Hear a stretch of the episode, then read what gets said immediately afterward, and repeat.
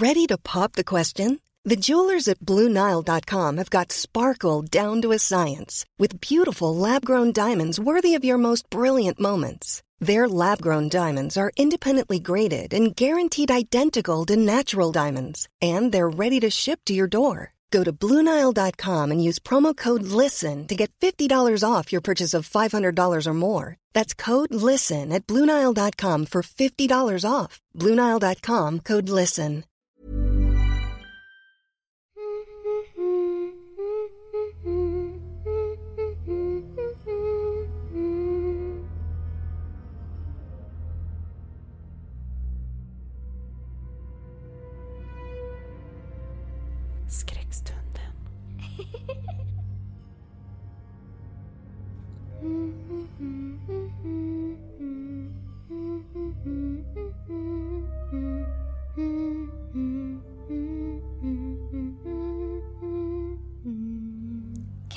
If you can. I am right behind you.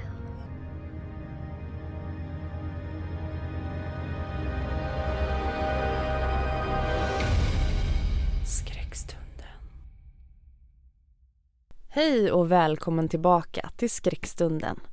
Idag har jag ett specialavsnitt till er där jag har en gäst som jag vet att många av er har skrivit att ni önskar ha hit. Så då säger vi välkommen till Andreas. Tack så hemskt mycket. Jätteroligt att få gästa podden. Jag tycker det känns väldigt spännande att du är här. Och innan, jag har ju fått ganska mycket lyssnarfrågor. Så att jag tänkte ändå att först och främst ska du bara få göra en liten så här kort sammanfattning för de som kanske inte vet vem du är, så får du presentera dig.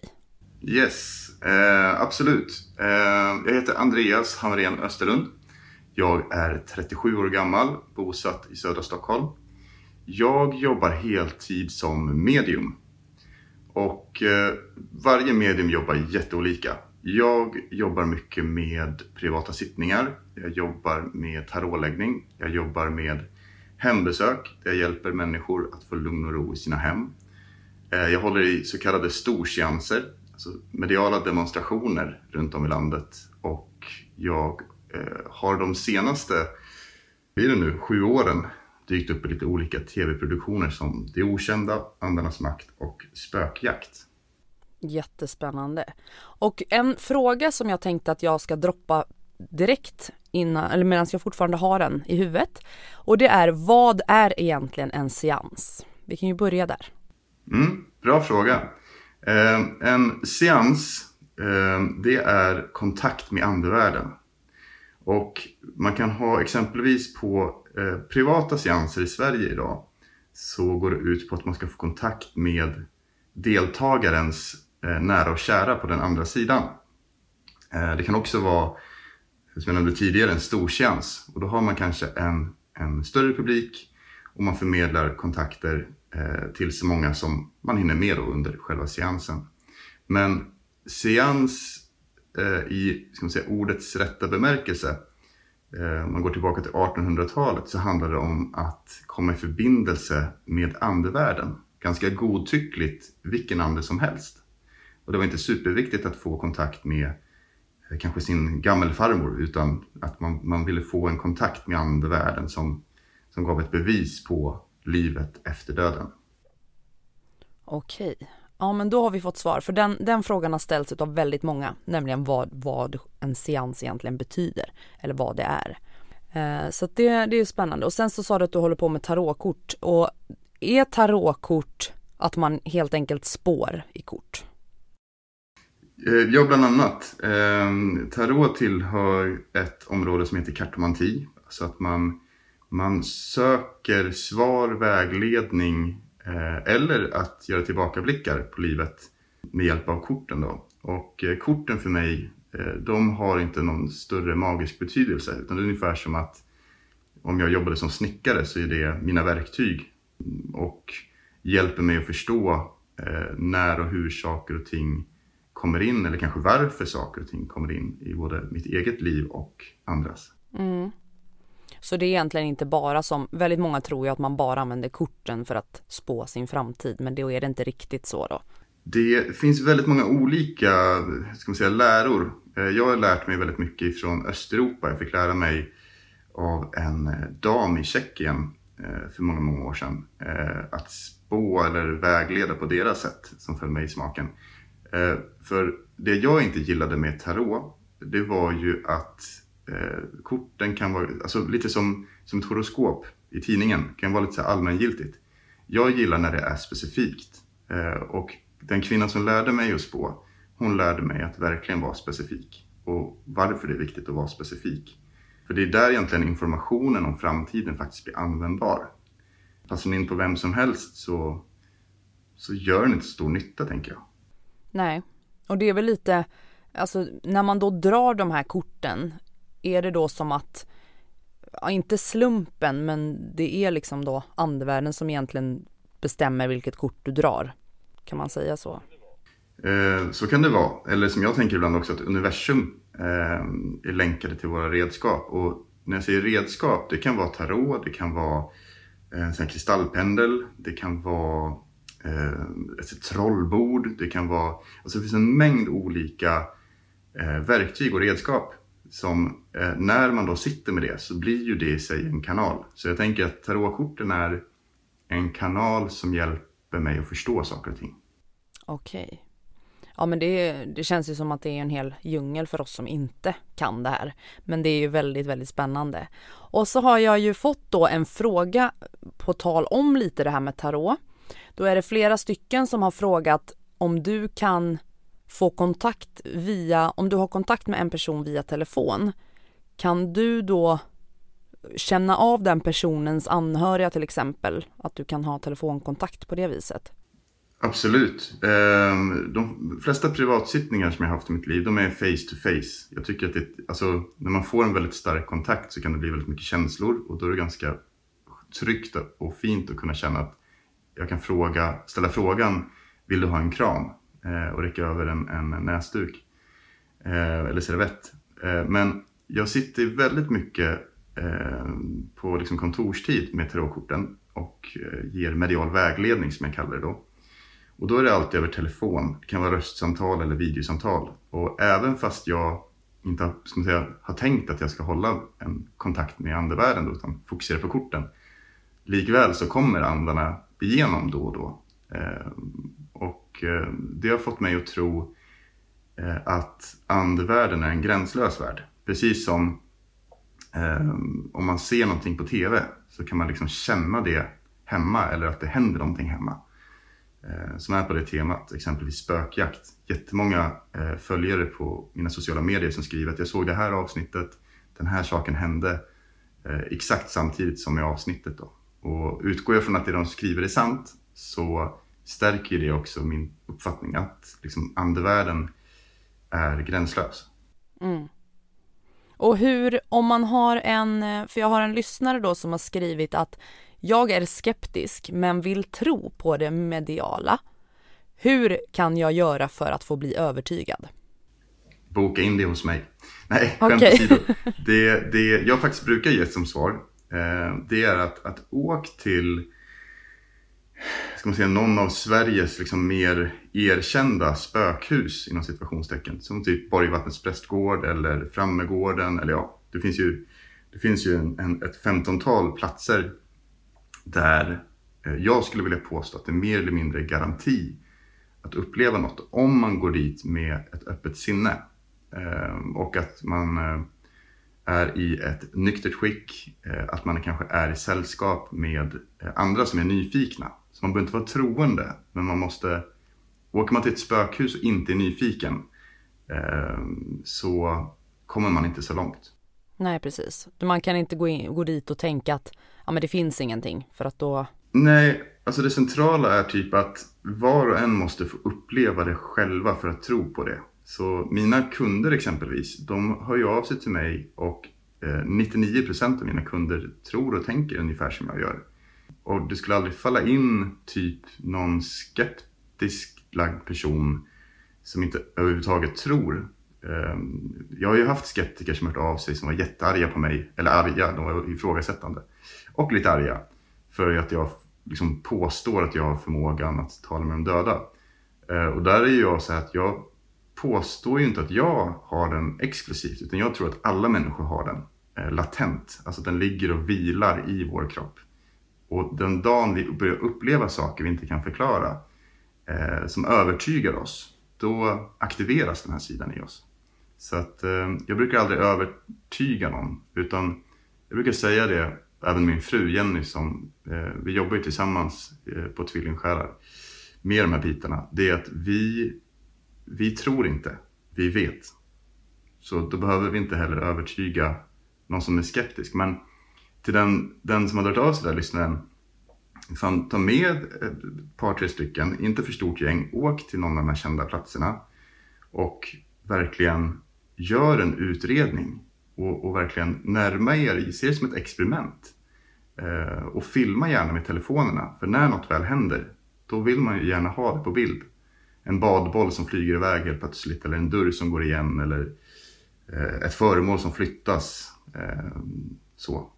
Ja men precis och då tänker jag att om man nu är nyfiken och gör något sånt så kan man ju titta på till exempelvis spökjakt eller LaxTons Youtube-kanal och få lite tips hur man kan om man går tillväga. Ja, absolut. Och eh, för de som inte vet så jag och min fru Jenny vi har en, en Youtube-kanal eh, där vi har en serie som vi kallar för Kalla kårar. Där åker vi och övernattar på olika platser. Allt ifrån eh, alltså, superkända platser i Sverige till mera okända. Eh, och spenderar en hel natt där. Eh, så där har vi också fångat en del intressanta fenomen. Ja men då ska jag göra så att jag lägger en länk till din Youtube-kanal och även din Instagram och eran hemsida. Eh, så kan de som vill få kontakt med dig kan ju kolla in någon utav dina ställen eller sociala medier. Ja men gör det. Alltså enklaste sättet att få kontakt det är eh, att köra anden i glaset. Då kommer jag direkt. Aha, Nej, det, det är allting vi gör heter Tvillingsjälar. Vårt bolag heter Tvillingsjälar. Vår hemsida heter tvillingsjälar.se. Vår kanal på Youtube heter Tvillingsjälar. Vår app som vi har kurser i heter Tvillingsjälar. Så det är ganska enkelt att lägga på minnet. Ja men perfekt. Då, då vet jag vad jag ska, eller vart de kan nå dig men även så kommer jag ju göra, underlätta lite och lägga lite länkar då. Eh, men jag tänker att vi går väl vidare här för det har ju kommit en hel del frågor. Eh, och då kommer jag läsa dem rakt av egentligen för dig. Yes, vi kör på. Hej Andreas! Jag är nyfiken på att veta hur hör eller kommunicerar du med andarna? Hör du deras röster eller hur fungerar det när du kan berätta vad de vill, vilka de är och så vidare? Det är jätteolika. Ehm, Det är från dag till dag. Ibland ser jag dem ena dagen, andra dagen så känner jag bara att det är någon där. Och vissa gånger skickar de bara bilder till mig. Det utspelar sig som filmer eh, inuti mig och känslor, jättemycket känslor. Och eh, eh det är även när vi är utomlands. Så är det många som undrar, sig, men, men varför pratar du svenska när du är i Rumänien? Ja, men det är för att andarna skickar bilder till mig som gör att jag förstår. Ja men precis. Den har jag nämligen också fått. Eh, nu när vi ändå tar det så kan jag dra den frågan också. eh, då är det en som skrev, hej jag har tittat på alla avsnitt utav spökjakt och jag är nyfiken på att veta hur du kan kommunicera med andar i andra länder. Alla andar kan väl inte prata engelska eller svenska tänker jag, berätta gärna. PS, jag älskar spökjakt och vill gärna veta, kommer det fler säsonger? Ja, härligt, härligt. Ehm, det, som jag sa tidigare där så blir det ju att, att andevärlden, de kommunicerar med mig i alla fall på det viset med känslor och bilder, ord, tankar. Det är som att de bläddrar i mig för att berätta någonting. Och andevärlden är, och andarna, det är precis som oss människor. En del andar är jättesociala. Andra är eh, asociala och vill inte prata alls. Andra är skitsura och andra är snälla. Men som i spökjakt exempelvis. Ehm, jag brukar, eh, även om inte det syns i alla avsnitt, så brukar jag lära mig några fraser. Alltså någon, någon kort fras, ett ord. Är det någon där exempelvis? Eh, på rumänska. Eh, eller ge oss ett tecken. För säger jag någonting på det lokala språket så kan det trigga igång att det händer något. Ibland så blir det att vi hoppar över på engelska när vi liksom försöker, och det gäller alla i teamet, vi verkligen försöker, vi pratar ju rakt ut och försöker få, få igång en kommunikation. Så att eh, det, det är ett spännande ämne, det här med andlig kommunikation, verkligen. Ja, det är ju det. Och det är väldigt många som har skrivit till mig att det är klart att det är fejk med spökjakt för att han kan inte prata alla språk och de kan, alla andra kan inte prata svenska liksom. Så att det var därför jag tänkte att jag måste lyfta den här frågan då för att folk ska förstå att det är inte fejk bara för att ni pratar svenska liksom. Nej men precis. Går vi vidare då. Hallå Andreas, kul att du vill vara med i skräckstunden. Jag skulle vilja veta, har du någonsin varit rädd när du har varit i kontakt med andevärlden? Berätta gärna om din läskigaste och mest skrämmande upplevelse eller flera. Det är så spännande. Eh, oj, okej. Okay. Eh, alltså jag är rädd jätteofta. Inte på dagen, inte på natten, inte när jag jobbar Alltså när jag jobbar med andarna som medium hemma i Sverige med seanser, med nära och kära. Det är så himla fint. Det är, liksom, det är ljust på något sätt. Men när vi gör de här spökjakterna så är det ganska mörka energier. Även andra uppdrag som jag gör hemma hos privatpersoner. Eh, de har ett väsen hemma eller de har en ande hemma som är riktigt mörk. Och då händer det saker och ting ibland som gör mig väldigt rädd. Eh, nu syns det väldigt sällan att jag är rädd för att jag har lika mycket ansiktsuttryck som ett träd ungefär. Eh, men likväl så är jag ju rädd.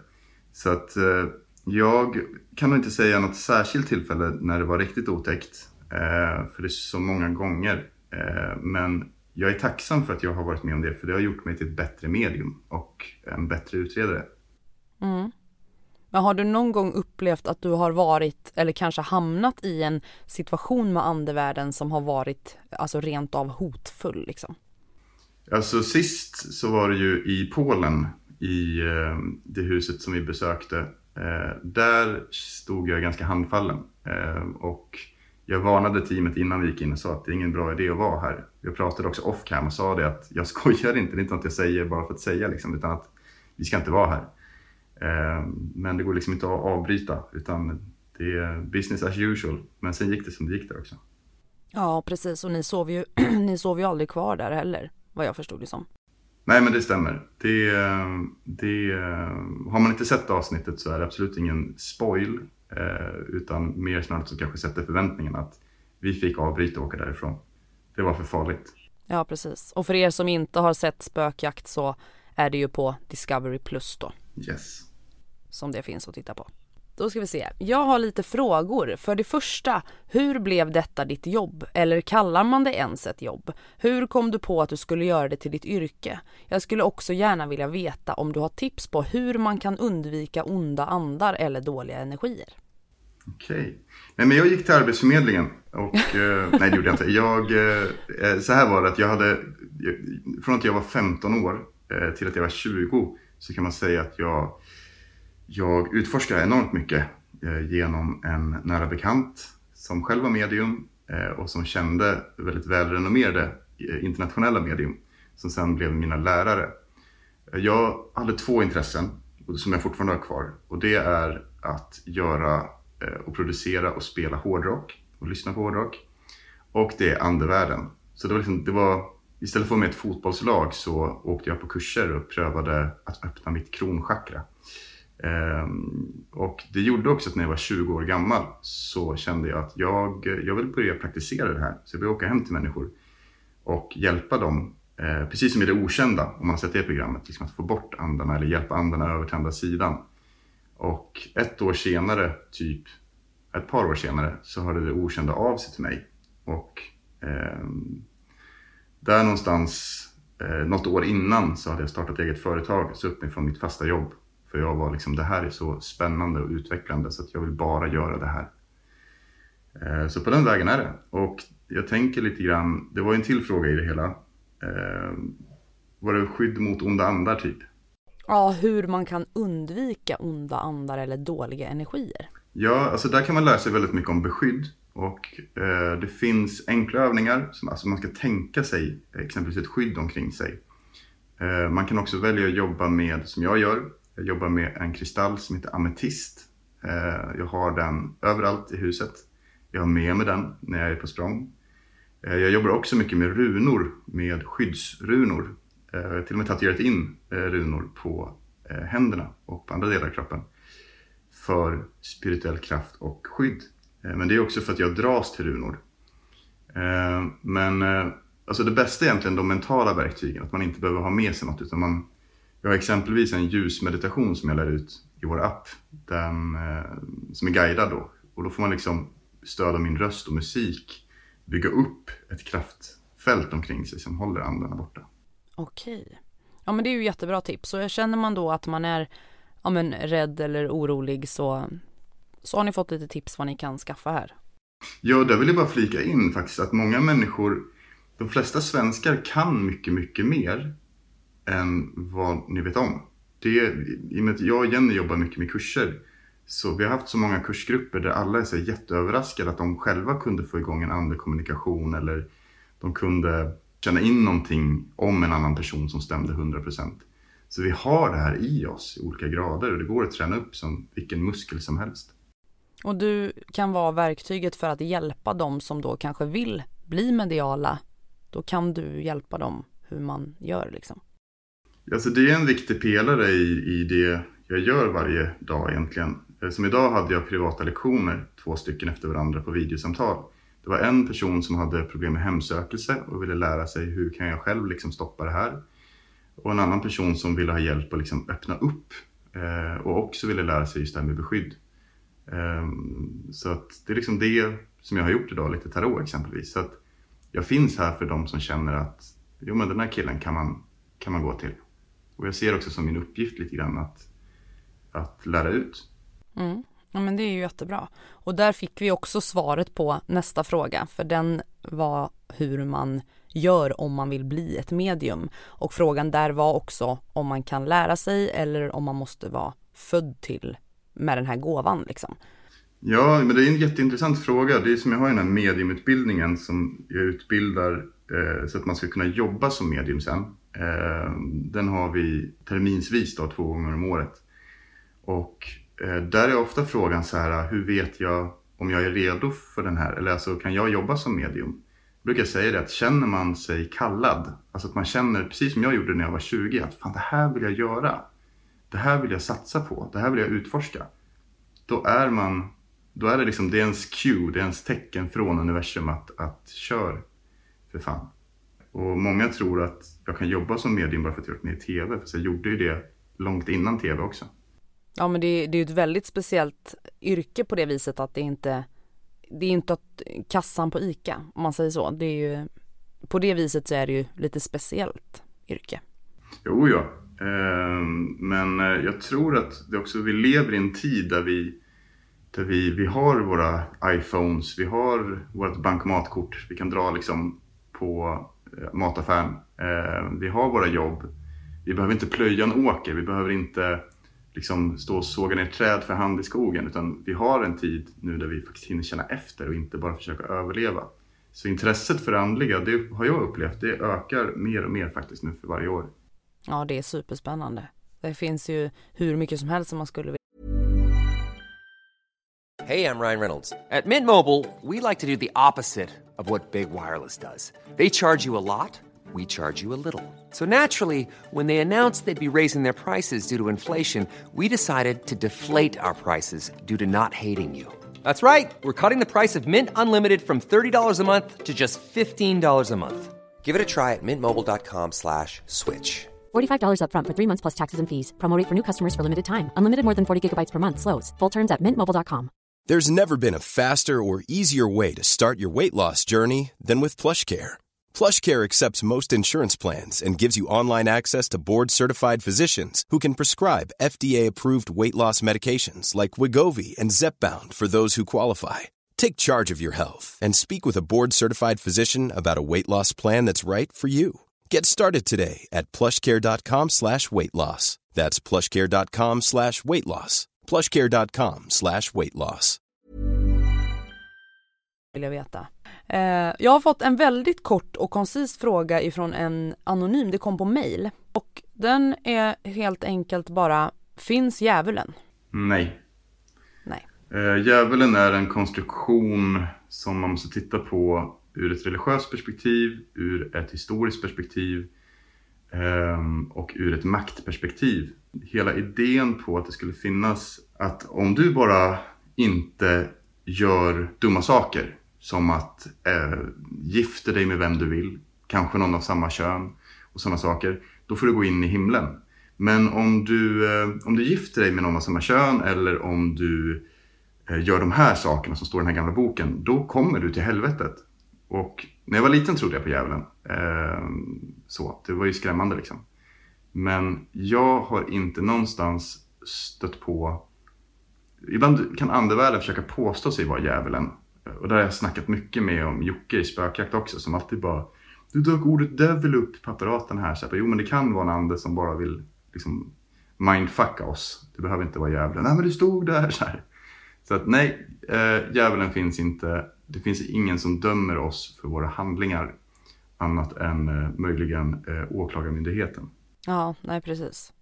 De, det får stå för dem. Då, då var det de som var djävulen i så fall. mm, ja, precis. Nej, men faktiskt, det, jag tror inte på, på att det finns en, en liksom helvetets liksom, Lord of Darkness. Nej, precis. Det finns inte en ensam ond som bestämmer över all ondska liksom. Nej, utan däremot så är jag mer orolig för människor som är onda saker mot människor. Typ pedofiler eller nazister eller massmördare. Ja, precis. Ondska finns det ju eh, så att det räcker ändå utan att vi behöver skylla på djävulen liksom, tyvärr. Precis, folk som, som gör svensk pop exempelvis. Det är, ja, listan är lång. Ja, det är ondska. eh, då ska vi se här. Hej Andreas! Jag har en fråga som egentligen kanske är onödig och som jag kanske inte förväntar mig att du skulle svara ärligt på, men jag testar. När ni spelar in diverse produktioner som spökjakt och så vidare som du har deltagit i, är allting som händer verkligen helt på riktigt eller är sakets, saker stageade? Jag vet och förstår att det måste bli intressant TV, så är det i alla TV-program att det måste fånga tittaren. Men är allting verkligen helt sant utan att saker riggas? Var du rädd i Polen eller något annat ställe som den där skogen ni var i? Hur kändes det där? Kram L. Mm relevant fråga verkligen. Eh, alltså, vi har ju avtal med, med kanalen och i de avtalen så står det att vi, vi får inte dela med oss av, av eh, intern information exempelvis. Men det står i alla tv-avtal, även om de är med Let's Dance eller i, i Sveriges Mästerkock eller whatever. Men eh, jag skulle aldrig i hela helvetes någonsin vara med i ett program som riskerade min trovärdighet som medium min trovärdighet som medium, eh, det är signumet att jag är legit, att jag är äkta. Eh, och varje dag i mitt jobb så handlar det om att bevisa min förmåga för varje kund. För var och en, och hur många kunder jag än har haft genom åren. Så varje kund är min uppgift att, att liksom verkligen bevisa för den här personen att andevärlden är på riktigt. Inte övertyga personen, men göra mitt bästa för att be ge bevis på att det jag pratar om är äkta och inte bara sitter och hittar på saker. Men när det gäller spökjakt så eh, vi lever otroligt tätt. Vi åker väldigt många mil mellan ställena. Vi spenderar mycket, mycket tid på flygplatserna. Man är aldrig ensam på spökjakt i den bemärkelsen. Och de här platserna vi utreder, de, eh, det första som, som vi brukar kolla det är att det inte är riggat när vi kommer dit av någon. Eh, ägarna exempelvis. För många sådana här spökhus, det är en väldigt lukrativ affär för eh, dem. För att det är grupper som åker dit och de tjänar miljontals kronor varje år på bara husen. Sen har vi också en fantastisk kille som heter Fred som är redaktör. Och hans uppgift är att leta rätt på de här ställena. Vi skulle åka till ett ställe som jag bara var så här, yes, jag har drömt att åka dit. Och sen fick jag veta av honom att vi kommer inte åka till det här stället för att det har visat sig att det huset är fejk, det är riggat. Vi vet inte exakt hur de gör, men det är någon som fuskar i huset. Så att till och med de bakom är så här, vi behöver inte stagea något. Jag tänker även på de som inte liksom är med i teamet, utan de som är bakom kameran och sådär. Vi har ofta samma fotografer, ljudtekniker och så vidare. Och de, när de började med spökjakt så var de så här, äh, alltså jag tror nog inte så mycket på det här med andra, men det ska bli ett kul gig. Liksom. Kul, att, kul att rulla mycket kamera. Liksom. Fan, rulla 24 timmar kamera. Eh, men de själva börjar bli så här, men i helvete var det där liksom? Vi har fått trösta kameramän som har brutit ihop för att de liksom, det händer någonting och de blir helt förstörda. Så att det är på riktigt och jag fattar hur det ser ut. Det är samma sak om jag skulle ta upp min mobiltelefon nu och så skulle jag filma dörren här i studion och den dörren öppnas och sen går det igen. Lägga upp det på Instagram. Då skulle folk ändå vara så här, det är fake. För att det är tittarens perspektiv. Men det jag har sagt till de som funderar på spökjakt, ska man säga, äkthet. Åk till de här platserna. Då kan man tänka sig, ja men jag har inte råd med det. Jo, en flygbiljett till Polen kostar 328 kronor. Det var det jag betalade sist. Så att det är inte så att det är jättesvårt att ta sig dit. Har man råd att gå på krogen och äta McDonalds, då har du råd att åka till Polen eller till Frankrike eller till vart som helst. Så att mitt, mitt, eh, nu har det ett långt svar här, men jag känner att jag vill, jag vill försvara spökjakt. Jag är stolt över spökjakt för att det är liksom på riktigt. Ja, men det är på riktigt och det är inte att jag är arg på följaren här. Nej men och, och jag förstår dig och jag förstår ju det du sa där i början att, eh, att ni har avtalat att du inte får berätta och sådär. Men samtidigt så, jag visste nästan redan ditt svar för jag kan ju tänka mig att oavsett om det är tv eller inte så som du var inne på så går du ju faktiskt in som medium, det är ditt jobb. Och att du ska gå in och stå och hitta på saker i tv-rutan, det äventyrar ju kanske lite mer än vad det är värt att vara med. Alltså jag kan lova det här till dig och lyssnarna att, att skulle det börja lukta fusk i spökjakt i framtiden. Jag är den första som, som kliver av. Eh, jag skulle också gå ut med det direkt för att jag, för mig är inte andevärlden underhållning. För mig är andevärlden, det, det är min värld liksom. Ja för det har ju varit väldigt, jag har sållat bort extremt mycket både kommentarer och även eh, frågor. Eh, för att det har ju varit väldigt många som har ställt i stort sett identiska frågor om huruvida det är riggat och eh, sådär. Och jag har ju liksom sållat bort. Men så tänkte jag nu ska jag ta med en fråga så att vi får ett svar på det här liksom en gång för alla känns det som. Ja, ja men det, det är självklart så svarar jag på den så. Och det jag vet att, att eh, de i teamet skulle nog svara på ungefär samma sätt. Ja, för jag har ju förstått det som att LaxTon också är så att de har för mycket yrkesstolthet för att hitta på. Eh, så har jag uppfattat det när de har svarat på liknande frågor. Eh, ja men verkligen och det vi har gemensamt, LaxTon och även de andra i teamet, är att när det händer något sjukt, eh, som exempelvis var någon, någon vas som flög i något avsnitt. Första vi kollade, det var, och det syns inte i kameran, men det första vi kollade det är så att det den stod på var det riggat. Alltså att man är, den första tanken är att det där kan inte vara på riktigt. Och så undersöker man liksom ändå, även jag som medium, jag är inte, man är inte dum i huvudet för att man är medium, utan det är så här, shit, det där tillhör inte vanligheterna. Det här behöver jag liksom undersöka den här möbeln eller kolla på övervakningsfilen. Så att, eh, nej, det, jag vet både LaxTon och jag, vi är de i teamet som gör det här full time. Vi är beroende av att vara sanningsenliga och inte liksom fabricera något slags bevis. Och det behöver vi inte göra på många av platserna. Sen tänker jag bara avslutningsvis att hade vi velat fejka, då hade vi ju inte lagt ner liksom de pengarna som produktionsbolaget gör på att, att spela in i flera dagar. För att liksom alla de här miljöbilderna, fotografen åker dit och spelar in det innan i lugn och ro. Och vi skulle ju inte liksom bryta rygg avsnitt för avsnitt. Bara, hade vi velat fejka, då hade vi ju liksom haft ett manus, vi hade riggat saker och så hade vi kunnat spela in på fyra timmar och åka hem. Ja, men precis.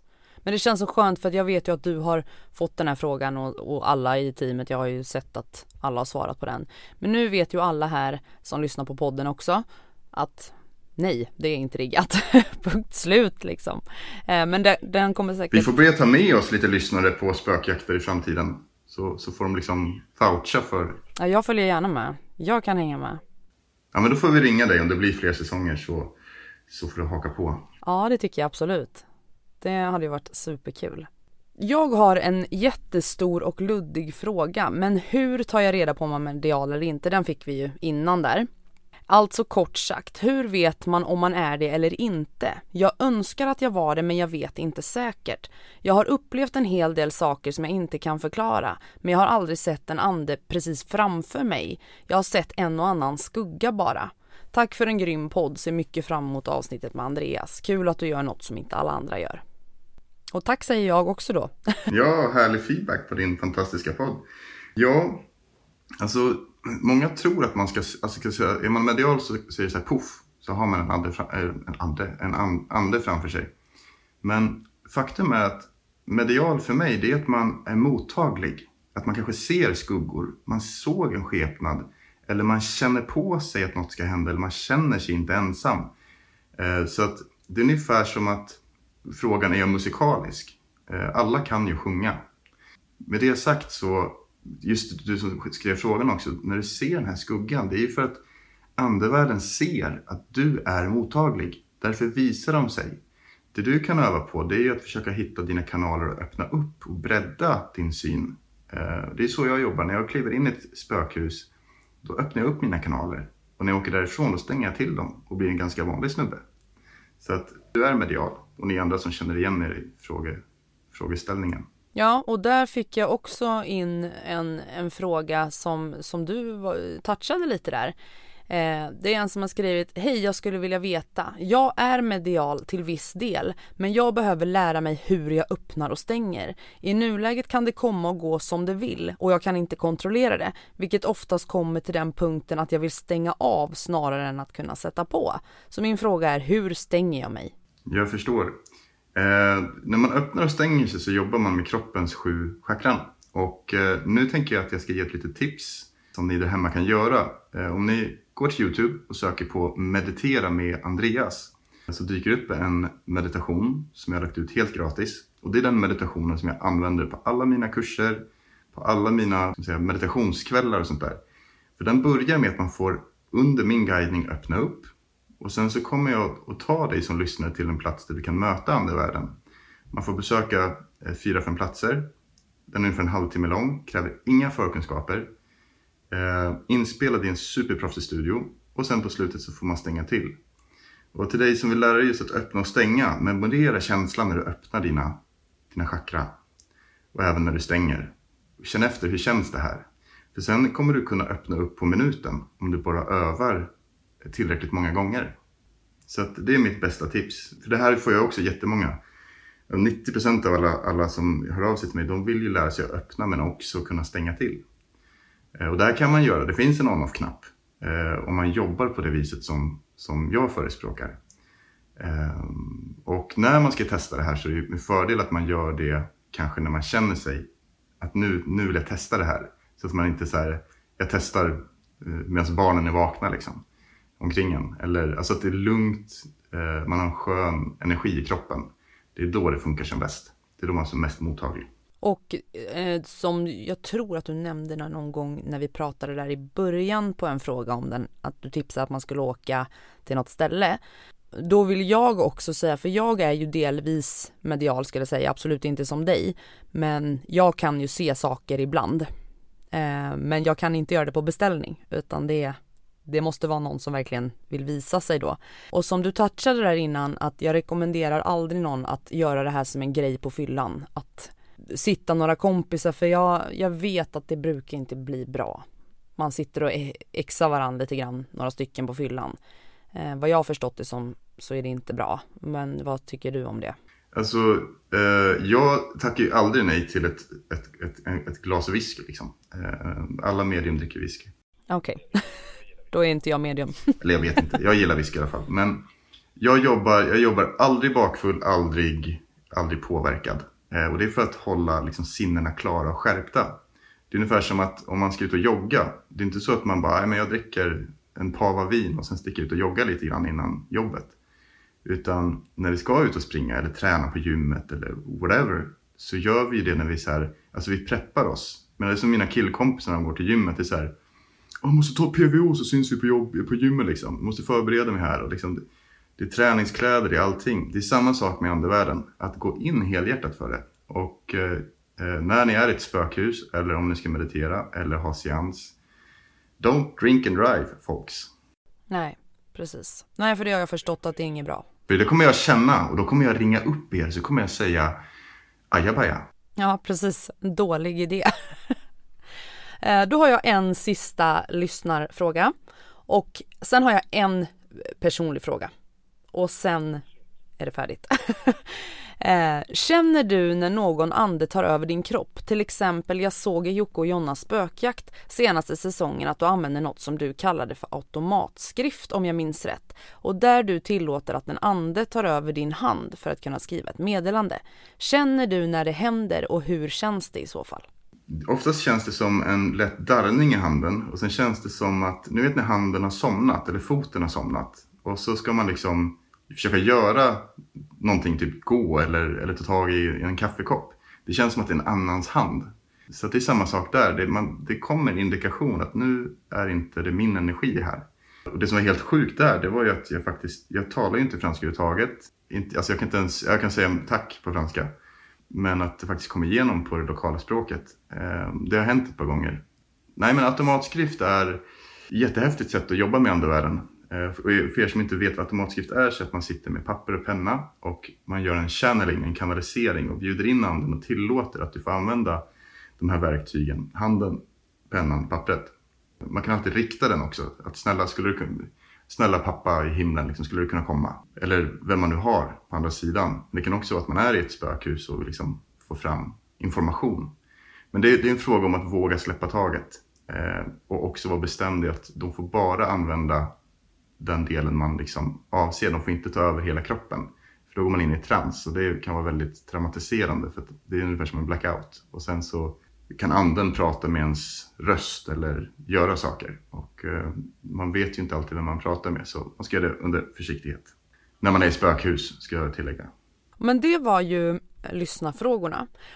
Eh, och sen så har jag, jag tänker att skräckstunden, jag har alltid en twist på det. Så jag måste ändå ställa då en personlig fråga. När jag var 14 år så dog min farmor. Och hon var storrökare. Hon rökte gula Blend. Och det här var någonting som min pappa påminner mig om att jag faktiskt kunde fråga dig. För en kort tid efter att hon dog så fanns det liksom ingen annan rökare i våran närvaro. Men vi kunde flera stycken känna den här gula bländdoften. Alltså farmor luktade också på ett speciellt sätt som vissa äldre rökare gör. Jag tror många kan koppla lite vad jag menar då. Eh, och då tänker jag, var det bara rent mentalt att man tänkte på henne undermedvetet? Eller kan det vara så att du får en doftförnimmelse om, om hon då var i närheten? Ja, det som talar emot att det är något som ni liksom förnimmer i minnet, det är att ni gjorde det flera personer samtidigt. Eh, hade man varit ensam så är det en annan sak. För vårt, vårt psyke funkar på ett väldigt avancerat sätt. Men eh, om man kan utesluta orsaken att någon skulle stå och röka gula Blend liksom utanför fönstret precis eh, och det uppstår från ingenstans, absolut. Eh, jag har många gånger kunder som vittnar om tecken som de har fått från sina nära och kära, just som är dofter. Jag tänker även på eh, programledaren i Det Okända, Caroline. Eh, hon har berättat för mig att hon har ett väldigt nedsatt luktsinne. Men så när hon väl känner en doft, vilket är väldigt, väldigt sällan, Eh, då är det oftast någon så här från andra sidan. Så eh, andarna kan kommunicera på så vis. jag menar, i och med att du förknippar farmor med den här doften så är ju det, andarna är som, som rinnande vatten. De, eh, vattnet väljer alltid den enklaste vägen. Och den enklaste vägen är ibland att bara ge doften. För jag menar, vad är mer personligt än en doft? Parfymdoft eller rökdoft, särskilt tobak. Ja, precis. För vi alla direkt kopplade ju att det var farmor och jag kommer ihåg då just det här specifika tillfället. Eh, jag har känt den här doften flera gånger, även nu ganska nyligen och nu är det många år sedan. Men jag kommer ihåg det här specifika tillfället för att jag och min pappa precis samtidigt vänder oss mot varandra och säger att känner du doften? Så att vi båda liksom kände den här, eh, det luktade farmor, eller vad man ska säga. Eh, så det, det tyckte jag ju var lite läskigt då, eh, givetvis. Lite sorgligt, men också kändes det som att hon var med då. Ja men lite fint. Alltså jag förstår att du saknar din farmor och det är samma som jag. Bara för att jag är med betyder inte att jag inte saknar eh, alla de som har lämnat mig. Bara det här året så är det tre personer som har dött i min närhet eh, och jag sörjer dem. Jag vill ju ha dem här. Men när de ger ett tecken, då händer någonting inom oss och jag tror att det är också något som jag vill lämna både dig och lyssnarna med. Att andevärlden, de behöver inte oss medium överhuvudtaget. Andevärlden går till dem som det lyser lite om och som vågar lyssna. Så att till dig som saknar någon på andra sidan, öppna dina kanaler. Be den du älskar på andra sidan att besöka dig i dina drömmar. Eh, man måste inte gå till ett medium. Då kan man tänka sig att det är ganska kontraproduktivt idiotiskt av mig som jobbar som medium. Men det är den slutsats jag har kommit fram till. Jag är ju en sökare i första hand, precis som många. Planning for your next trip? Elevate your travel style with Quince. Quince has all the jet-setting essentials you'll want for your next getaway. Like European linen, premium luggage options, buttery soft Italian leather bags and so much more and is all priced at 50 to 80% less than similar brands. Plus, Quince only works with factories that use safe and ethical manufacturing practices. Pack your bags with high-quality essentials you'll be wearing for vacations to come with Quince. Go to quince.com/pack for free shipping and 365-day returns. Andra. Ja, det här är superintressant. Jag önskar att jag kunde ha ett fyra timmars avsnitt. Eh, men jag är jätte, jätteglad att du ville ställa upp och vara med. Och jag vet att mina lyssnare också är jätteglada för det. Självklart. Eh, så jag vill bara säga tusen tack för att du var med. Tack för att jag fick vara med. Och tack för att du är med i Spökjakt. För du gör det här briljant. Verkligen. Tack, det värmer jättemycket att höra. Och min förhoppning är att inspirera andra människor att kan den där ganska vanliga snubben med snus under läppen, orakad, tatuerad, kan han det här, då kanske jag kan det också. Det är inte en liten skara som har fått en gåva, utan det är som allt annat i livet, det är träning. Träning och nyfikenhet, då kommer man förbannat långt. Det ska jag göra. Jag ska lära mig det här.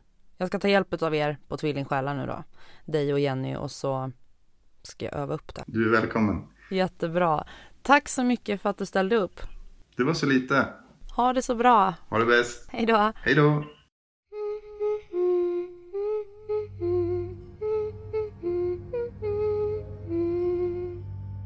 Du har lyssnat på Skräckstunden.